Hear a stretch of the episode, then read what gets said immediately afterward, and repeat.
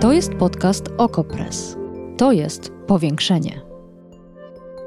Patrzymy władzy na ręce, każdej władzy.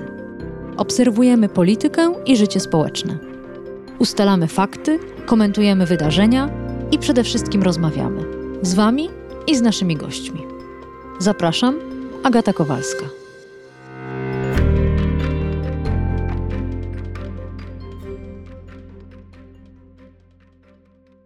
Brak planu lekcji, a potem jest, ale tymczasowy.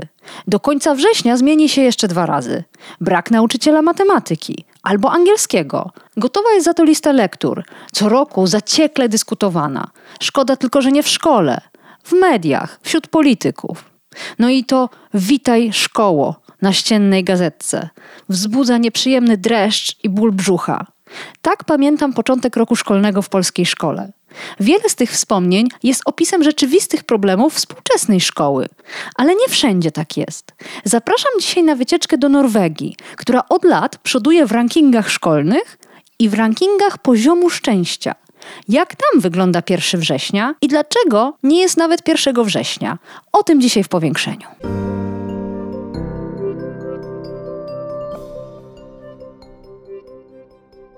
A naszym gościem jest Hanna Zielińska, dziennikarka i matka trojga uczniów. Z których klas? Dzień dobry.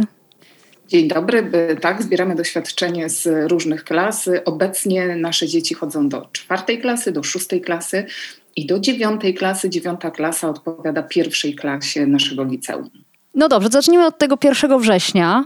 W Norwegii nawet to jest inaczej. Kiedy zaczyna się szkoła? Tak, 1 września jest zupełnie normalnym dniem w środku tygodnia.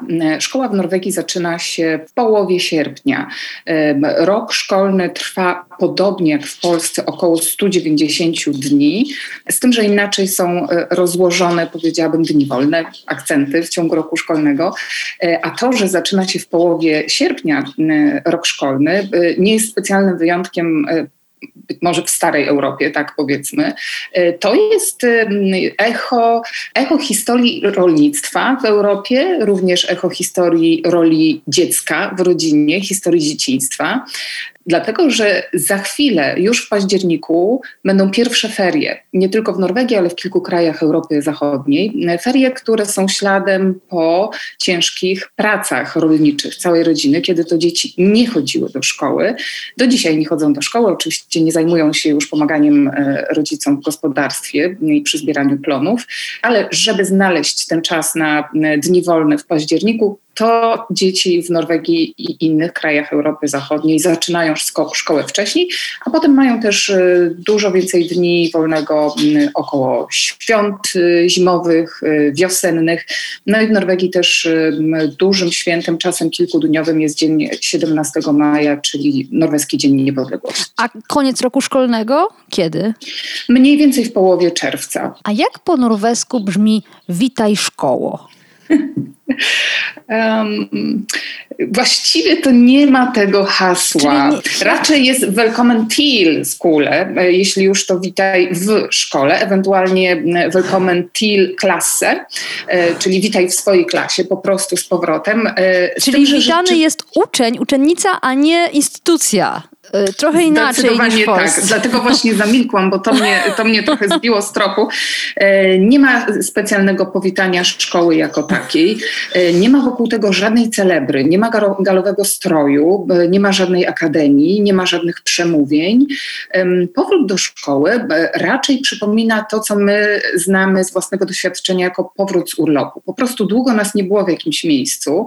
Jeśli to był dłuższy pobyt gdzieś, to wracamy wracamy i musimy się z powrotem zaadaptować. I tutaj rzeczywiście szkoła pomaga uczniom z powrotem wejść w tryb i rytm, w rutynę i na to poświęcone są pierwsze dni mhm, szkoły. To zaraz powiemy Natomiast więcej o tym. Mhm. Nie ma w tym żadnego, powiedziałabym, e, takiego sakralizowania Ale szkoły. Ale chwileczkę, momencie. To znaczy, że minister edukacji norweski, premier nie przemawiają w jakiejś wybranej, szczęśliwej szkole, tak jak to się odbywa w Polsce?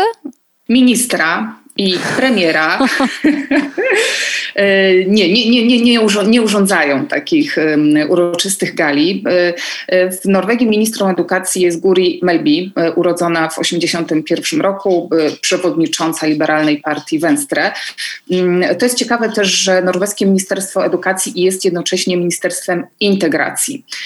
Tutaj w Norwegii jedno z drugim się łączy, jest bardzo ważne, żeby właśnie te dwie dziedziny się przenikały. Guri Melby jest bardzo aktywna, ale nie na akademiach szkolnych. Jednym z jej słynniejszych wystąpień był komentarz e, do sytuacji, kiedy kilka miesięcy temu we Francji został zamordowany francuski nauczyciel. W trakcie lekcji dotyczącej wolności słowa pokazywał e, obrazki, karykaturę Mahometa, która wzburzyła przynajmniej jedną uczennicę. I wtedy właśnie e, Guri Melby wyraźnie zaznaczyła, wystąpiła publicznie, nawet było to komentowane, że być może jest to prowokacja, ale właśnie taka jest Norwegia i powiedziała tak. Norwescy nauczyciele w procesie nauczania mogą pokazywać karykatury Mahometa, jeśli uznają to za istotne. Wolność słowa i prawa człowieka to wartości nadrzędne w norweskim programie nauczania. To nauczyciele decydują, jakiego przedmiotu uczą i w jaki sposób chcą to robić.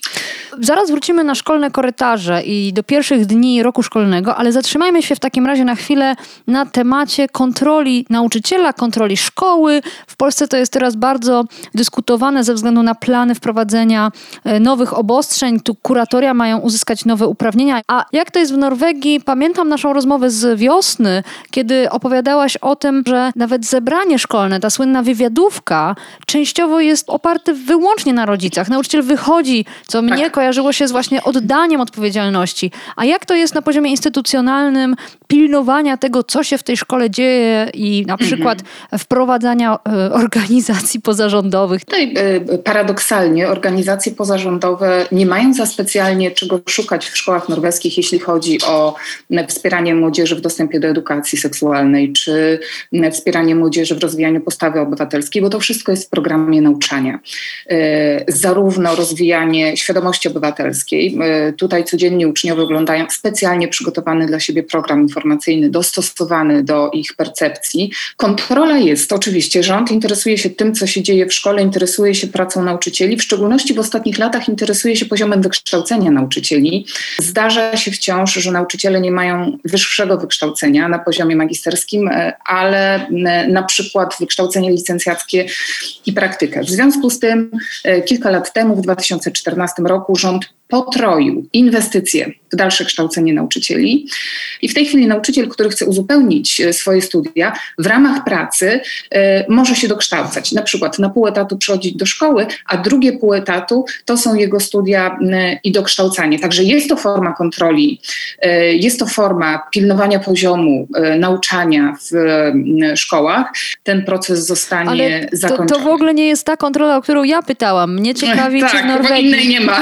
Mało tego, raczej te tematy, które my znamy jako e, propagowane, popularyzowane w Polsce przez organizacje pozarządowe, są po prostu elementem e, powszechnej, publicznej edukacji w Norwegii, łącznie z tym, że na, na stronie internetowej szkoły e, od razu na początku, jak się wchodzi na tą stronę, jest informacja edukacyjna o tym, czym jest mobbing, co zrobić, jeśli poczujesz się w szkole mobbingowany, co zrobić, jeśli jesteś rodzicem dziecka, które zgłasza, że być może jest mobbingowane, e, jak go rozpoznać i w jaki, w jaki sposób poradzić sobie z tą sytuacją. E, tutaj nauczyciele bardzo podkreślają, e, że najważniejszym priorytetem edukacji norweskiej jest dobrostan dziecka. To nas zaskoczyło mnie i męża e, w trakcie jednej z e, wywiadówek, takiej jeden do jednego z rodzicem e, i dzieckiem, kiedy właśnie nauczycielka naszego syna powiedziała nam, że oczywiście to będzie rozmowa o jego postępach w nauce, ale dla niej najważniejsze jest dowiedzieć się, jaką się ma. Czy on ma z kim rozmawiać w klasie, czy on wie, do kogo się zgłosić, e, kiedy ma jakiś problem, e, czy on wie, co ma zrobić, kiedy się gorzej poczuje, e, czy zawsze ma przy sobie do jedzenia coś, co lubi, i tak dalej, i tak dalej. I widząc nasze zdziwienie w oczach, wytłumaczyła nam, że ona na studiach tak właśnie została przygotowana do swojej roli i tak myśli się o roli nauczyciela w Norwegii, że najważniejsze jest samopoczucie i dobrostan dziecka w szkole, Na drugim miejscu jest e, program e, i to wszystko, co mhm. E, nazywamy tym twardym Czyli nauczaniem. opieka wydaje się ważniejsza niż, niż lista lektur właśnie. A propos listy lektur, u nas co roku toczą się o nią spory. Jak jest w Norwegii? No tutaj duże zaskoczenie. Koncepcja lektury jest norweskim dzieciom nieznana. W ogóle. Lektury jako książki takiej czytanej na akord przez cały rocznik jednocześnie, a potem omawianej według odgórnego planu. Tutaj literaturę poznaje się fragmentami. E, I te fragmenty albo są częścią podręcznika, albo uczniowie dostają wydruk do ręki i tu już wtedy właśnie nauczyciel ma tą e, pełną wolność, o której mówiła ministra edukacji. Młodsze klasy często mają taki tekst do czytania codziennie nowy w plecaku w ramach treningu czytelniczego. Natomiast kanon, lista lektur czy kolekcje czytelnicze występują tutaj w innej formie i w innej instytucji, są traktowane raczej jako propozycja, nie obowiązek do przebrnięcia. I tą inną instytucją jest Biblioteka Publiczna. Kilka dni temu spędziłam cudowny dzień w Bibliotece Publicznej w Bergen, gdzie zebrałam właśnie ulotki, wydruki list lektur tematycznych. Jedna lista lektur y, o zdrowiu psychicznym i wypisane wszystkie książki w danej bibliotece, które y, należą do kanonu w tej dziedzinie. Jedna lista lektur y, z zakresu LGBTQIA. Też dla osób, które są zainteresowane pogłębianiem wiedzy w tym temacie bądź mają inne potrzeby. E, związane z tematyką To e, bardzo jest, e, bardzo jest pożyteczne i jakie, i jakie sprytne, ale to znaczy, że jeśli uczeń norweski nie chce, to nie przeczyta żadnej pełnej książki przez cały rok szkolny? Może tak być. Są też cotygodniowe wizyty całą klasą w bibliotece. Jest to rodzaj zachęty, jest to rodzaj oferty. Ale propozycji. co się wtedy robi? Nie, nie, nie wiem, do końca nie wyobrażam sobie, wchodzi 20 czy 30 tak. dzieciaków do biblioteki i co? I co dalej się dzieje? Wszyscy mają karty biblioteczne, mogą zdecydować, czy e, zabierają którąś z książek do domu, czy e, oddają tą, którą ostatnio pożyczyli, e, czy chcą posiedzieć i poczytać te, które są wyeksponowane i na przykład związane z tematyką, która w danym momencie jest aktualna, czy chcą usiąść na kanapie razem i zagrać w planszówkę. Chodzi o to, żeby ta czytelnia, ta biblioteka stawała się dla uczniów stopniowo um, miejscem bardzo oswojonym, miejscem, mm -hmm. w mhm. którym czują się swobodnie, w którym czują się u siebie. Czytelnictwo w Norwegii jest na bardzo wysokim poziomie, jest bardzo, bardzo po, powszechne to wypożyczanie książek w bibliotece, również z powodów e, ekologicznych. E, I to jest sposób na wzmacnianie czytelnictwa. Nie chodzi o to, żeby narzucać e, konkretne lektury, konkretną wizję, konkretne teksty. Tutaj nacisk jest stawiany na to, żeby raczej wyrabiać pewne nawyki, ale też nie nikt oczywiście ucznia nie będzie zmuszał do tego, żeby wypożyczał książkę. Jak e, nie ma ochoty, to po prostu tego nie robi. Pod koniec roku pojawiają się statystyki, ile książek w danej bibliotece zostało wypożyczonych.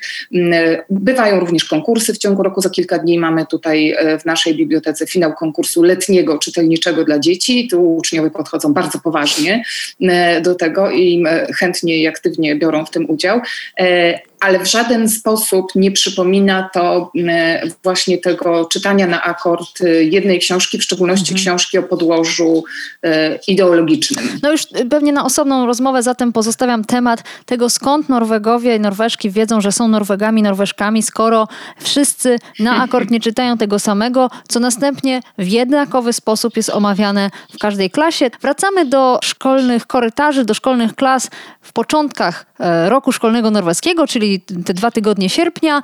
Jakie informacje otrzymują uczniowie, jakie nauczy y, nauczyciele, a jakie mhm. rodzice i czy trwa y, ten proceder, który znamy z polskich szkół, czyli wymiana planu szkolnego co kilka dni, y, lekki chaos, trochę marnowania czasu i ogólny bezwład. Mm, zupełnie nie. E, Norwedzy są bardzo zorganizowani. Tutaj czuć ten e, postprotestancki etos, taki jak występuje w niektórych krajach Europy Zachodniej. Oni są bardzo dobrze zorganizowani przygotowani na początek roku szkolnego. Każda rodzina dostaje pakiet informacyjny na poziomie każdej klasy. Mam przed sobą w tej chwili dziesięciostronicowy pakiet dla uczennicy dziewiątej klasy, dla naszej najstarszej córki. I to jest taki pakiet startowy, powiedziałabym, od bardzo bazowych informacji dotyczących funkcjonowania w szkole i w klasie, taki jak moglibyśmy sobie wyobrażać, że dostajemy, jak idziemy na studia. No ale ja właśnie czy... sobie nie wyobrażam. Mhm. Właśnie na tym polega kłopot, że ja nawet nie wiem, co w takim pakiecie powinno być mhm. zawarte, bo szkoła nas przyzwyczaja do zupełnie innego tak. stylu. Co tam jest napisane? Tam jest. Jest powitanie, jest wyrażona nadzieja, że wakacje były udane. Jest informacja o tym, jak w tym roku e, obchodzimy się z COVID-em, a obchodzimy się bardzo spokojnie. Szkoła jest na poziomie zielonym, czyli e, najmniejszy poziom zagrożenia. Następnie są informacje dotyczące reguł panujących w szkole, dotyczących telefonów komórkowych, dotyczących robienia zdjęć w szkole, dotyczących funkcjonowania kantyny E, dla uczniów, czy e, zamawiania mleka dla młodszych uczniów, mm, różnego rodzaju e, informacje dotyczące okładania książek, bo w Norwegii wciąż obowiązuje system przechodnich podręczników ze względów ekonomicznych i ekologicznych, mimo że nie ma tu powodów finansowych.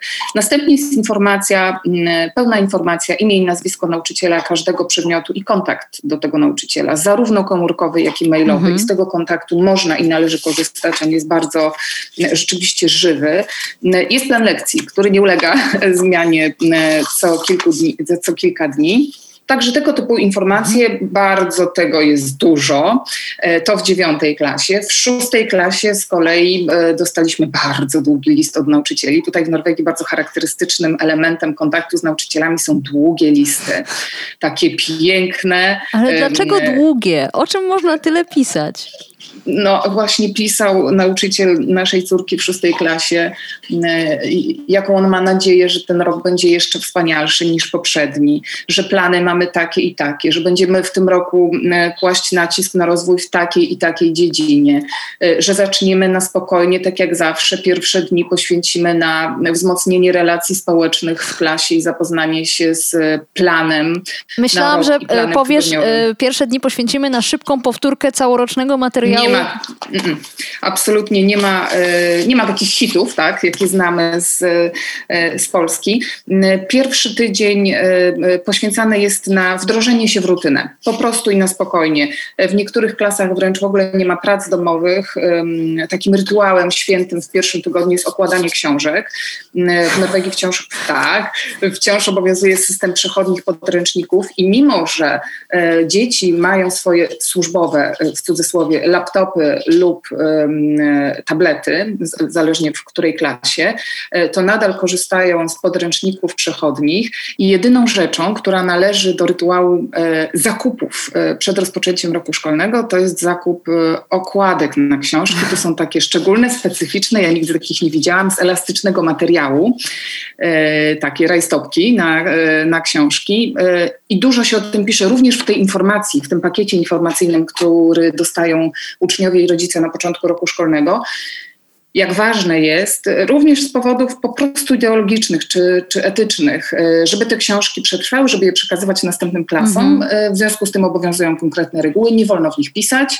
E, trzeba je obłożyć. To jest zadanie dla ucznia w pierwszych e, dniach, e, a notatki robimy oczywiście w zeszytach. Nic poza tym uczeń nie kupuje, bo mm, zeszyty, wyposażenie dostaje w szkole. Szkoły publiczne w Norwegii bardzo dbają o równy start i możliwie wyrównanie szans uczniów z różnych środowisk. Dlatego wszystkie dzieci piszą w takich samych e, zeszytach, które dostają od szkoły. Piszą ołówkami, właściwie nie potrzebują żadnego specjalnego wyposażenia to, co biorą ze sobą do szkoły codziennie, to jedzenie, ale w zasadzie, gdyby nie to, to nie musiałyby nawet y, za bardzo nosić plecaków, bo to, co jest potrzebne im do nauki, wszystko jest mhm. w szkole i szkoła mhm. stawia sobie za cel, za zadanie, y, żeby to zapewnić. Także jedyny fan z tych zakupów y, y, w ramach etapu Witaj Szkoło to są te okładki. A jeśli jeszcze chodzi o lekcje, w Polsce hmm. teraz y, nowy pomysł jest wprowadzany, historia ma być uczona tak. osobno. Historia polska odseparowana od historii powszechnej. Jak to jest w Norwegii? W Norwegii jest dokładnie odwrotnie, co y, bywa różnie oceniane przez polskich rodziców y, mhm. w, tutaj w naszych dyskusjach, które prowadzimy. Historia jest y, elementem wiedzy powszechnej po prostu. Bardzo często te przedmioty, które my znamy jako oddzielne dziedziny wiedzy, czyli na przykład historia, geografia, WOS łączone są e, w jeden e, przedmiot, sam fun fact, czyli e, taki przedmiot dotyczący właśnie wiedzy o społeczeństwie. I tutaj pojawiają się elementy historii. To jest dla nas bardzo ciekawe, zaglądać do, do tych podręczników i zapoznawać się mm, z narracją na przykład dotyczącą II wojny światowej czy rozwoju Europy mm, z norweskiej perspektywy. Bardzo ciekawe jest poczytać, jak w norweskich podręcznikach przedstawiany jest feudalizm na przykład, bo e, w Norwegii w zasadzie nie występowała pańszczyzna w ogóle. To też w dużej mierze tłumaczy, dlaczego tak łatwo tutaj jest o, e, o jakąś równość. Tutaj nie ma w ogóle takiego mm, echa kompleksu upadłego pana. Tutaj nikt nikomu nie panował. Tutaj tą główną klasą społeczną kmiecie po różnych mhm. wsiach norweskich. I bardzo ciekawe jest czytać o tym właśnie w podręczniku norweskim, jak to w tej zepsutej Europie w tak. średniowieczu już był podział klas bardzo silny mm. i wyzysk. E, natomiast rzeczywiście jest tak, że mamy poczucie w naszej rodzinie, że ta wiedza historyczna mogłaby być prezentowana w szkole w szerszym zakresie. Mm, to jest bardzo powszechne u polskich rodzin, z tego co widzę, poczucie niedosytu związanego z nauczaniem historii, nawet historii Norwegii, która jest przeciekawa i przewspaniała historia odkryć e, polarnych, historia rozwoju socjaldemokracji, e, która wcale nie jest oczywista, bo ta socjaldemokracja rozwijała się w momencie, kiedy Norwegia była bardzo ubogim krajem. Jeszcze 100 lat tak, temu była jednym tak, z najbiedniejszych krajów w mhm. Europie, mm. a częstym argumentem e, rzekomo przeciwko socjaldemokracji jest to, że przecież to trzeba być najpierw bogatym krajem. No, w Norwegii było dokładnie odwrotnie, więc to jest bardzo fascynujący kraj i gdybym mogła mieć jakiś głos w tej sprawie, to chciałabym mieć tej historii więcej. Natomiast nie jest ona w żaden sposób y, wyjęta z innych dziedzin. Wręcz przeciwnie, tutaj się łączy. Również łączy się nauki przyrodnicze, łączy się geografię y, z przyrodą, z naukami przyrodniczymi generalnie rzecz biorąc, z chemią, z fizyką, z podstawami w, młodszych klasach. Potem te przedmioty są już rzeczywiście. Y, no tak, rozumiem, że przede wszystkim uczniowie dzięki temu wiedzą, po co w ogóle tego wszystkiego się uczą i co z czym jest powiązane. My, o, tak, szczególnie tego to drugie. bardzo brakowało. Tak. A czy jest coś, czego jest twoim zdaniem za dużo, że jest przesadny nacisk na coś kładziony. Zastanawiam się. E, na pewno nic takiego nie widzę w samym programie nauczania. Czasami mam może poczucie, że za dużo informacji jest wysyłanych do rodziców. Naprawdę Ach, do rodziców, nie tak, do uczniów. Czasami mam, jeśli już, w ogóle takie wrażenie, że e, właściwie codziennie muszę usiąść, zajrzeć na stronę internetową naszej szkoły, przeczytać, e, co będzie się działo jutro, e, przeczytać, czego nauczyciele ewentualnie ode mnie oczekują. Jeszcze Także wszystko jest transparentne, wszystko jest omówione, nazwane tak po protestancku, żadnej improwizacji e, i może to jest dla tej postromantycznej duszy takie trochę dla mnie nowe. Nieznośne. To już tylko na koniec. Mówiłaś o tym, że szkoła jest zielona, to znaczy najmniejszy poziom e, ograniczeń, mhm. obwarowań związanych z COVID-em. Czy wiadomo, ilu nauczycieli jest zaszczepionych, którzy uczniowie są zaszczepieni? W Polsce takich informacji brakuje. E, wszystko mhm. jest na tak zwany rympał robione, czyli po prostu hulaj dusza, piekła nie ma, szkoły są po prostu pootwierane. Jak to mhm. wygląda w Norwegii? W Norwegii też e, nie spotkałam się, a szukałam ze statystykami dotyczącymi wyszczepialności nauczycieli. E, już w tej chwili szczepienia są e, na poziomie nastolatków, więc ci nauczyciele, którzy się chcieli zaszczepić, to zostali zaszczepieni w tych częściach Norwegii, oczywiście, gdzie nastolatkowie już mogą się szczepić. Ja jestem dawno po szczepieniu, jako osoba w średnim wieku i zdrowa, czyli taka zupełnie na końcu priory, listy priorytetów.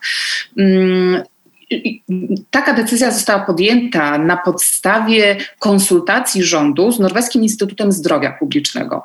Jak poinformowała Erna Solberg, pełniąca funkcję premiera, ona poprosiła ten instytut o ocenę tego, czy są szczególne grupy zawodowe i właśnie szczególnie pytała o nauczycieli konkretnie, które powinny zostać potraktowane priorytetowo w kolejce do szczepień.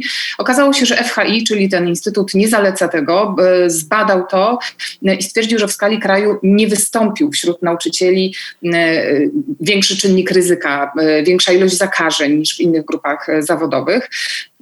Także tutaj szczepienia nauczycieli idą zgodnie po prostu z wyszczepialnością mhm. populacji jako takiej.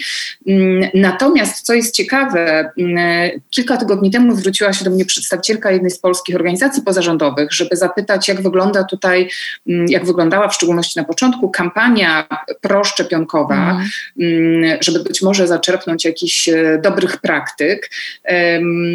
No i właściwie nie miałam nic do powiedzenia. W tej kampanii nie, ma, nie odbyła się żadna dyskusja na temat szczepień. W Norwegii jest bardzo, bardzo wysoki poziom zaufania do szczepionek e, i to jest rzeczywiście bardzo dobre. E, trudne może w pewnym momencie było to, że w trakcie wakacji, kiedy mm, wiele osób chciało wyjechać, wciąż znaczna część społeczeństwa nie była zaszczepiona, bo tutaj szczepienia idą po norwesku, w trybie slow, pomału, ale bardzo spokojnie i do przodu. Nie ma w ogóle mm, tej kontrowersji całej wokół szczepień. Oczywiście mm, zdarzają się osoby, które są przeciwko. Ja znam takie osoby wśród polskich emigrantów. Żadnego Norwega nie znam, który e, podważałby e, naukową wiedzę na temat e, szczepień. Mhm. Natomiast nie było rzeczywiście tej kampanii kampanii i tej dyskusji w zasadzie bezproblemowo, gładko, chociaż powoli e, te szczepienia mhm. idą. I nie wiadomo, jeśli chodzi o nauczycieli, e, nie ma konkretnych statystyk. Czyli zapytam, e, zapytam wprost, ty jako matka nie boisz się, że dzieci się zakażą w szkole? Nie boję się, bo widziałam, jak to wyglądało w zeszłym roku w Norwegii jest bardzo wysoki kapitał społeczny, w tym e, rozumieniu, w jakim kapitał społeczny opisujemy jako poziom zaufania do władzy, do instytucji publicznych. W związku z tym, e, jeśli e, przedstawiciele gminy, przedstawiciele rządu mówią, że wyceniają czy oceniają daną sytuację, że z trzech poziomów środków ochronnych wybierają w tej chwili zielony, to tutaj bardzo poważnie się to traktuje, a zielony to też nie oznacza pełnej wolności. Zielony oznacza tyle, że zagrożenie jest bardzo, bardzo niskie. Nie należy się po prostu y, przytulać, należy unikać podawania sobie rąk. Zajęcia w szkole będą przebiegać normalnie. W zeszłym roku y, poziom w szkole był żółty, y, co oznaczało, że klasy miały wspólne zajęcia, ale podwórko szkolne było podzielone na sektory, poszczególne klasy były od siebie oddzielone. Uczniowie i nauczyciele musieli unikać też podawania rąk, obejmowania się uczniowie nie mogli częstować się nawzajem tym, co mieli w pudełkach do jedzenia ze sobą z domu. I to jest bardzo, bardzo tu przestrzegane. W ciągu dnia szkol, szkolnego co najmniej kilka razy uczniowie wszyscy razem stają w kolejce w każdej klasie, e, myją ręce i dezynfekują je. E, I tutaj nie ma z tym żadnej dyskusji. Dlatego ja jako matka po obserwacji tego, jak wyglądało to w zeszłym roku na poziomie żółtym, nie mam y, żadnych obaw, jak będzie to wyglądało na poziomie zielonym w tej chwili. Bardzo dziękuję. Hanna Zielińska, prosto dziękuję. z Norwegii, z norweskiej szkoły, dziennikarka, matka trojga uczniów. Serdecznie dziękuję za całe spotkanie. Powiększenie. Podcast OKO.press. Prowadzenie Agata Kowalska. Podcast znajdziesz na stronie OkoPress i w Twojej ulubionej aplikacji do podcastów. Redakcja OkoPress działa od 2016 roku. Jesteśmy obywatelskim narzędziem kontroli władzy, obecnej i każdej następnej. OkoPress utrzymuje się z Waszych darowizn. Wesprzyj nas, byśmy mogli działać dalej.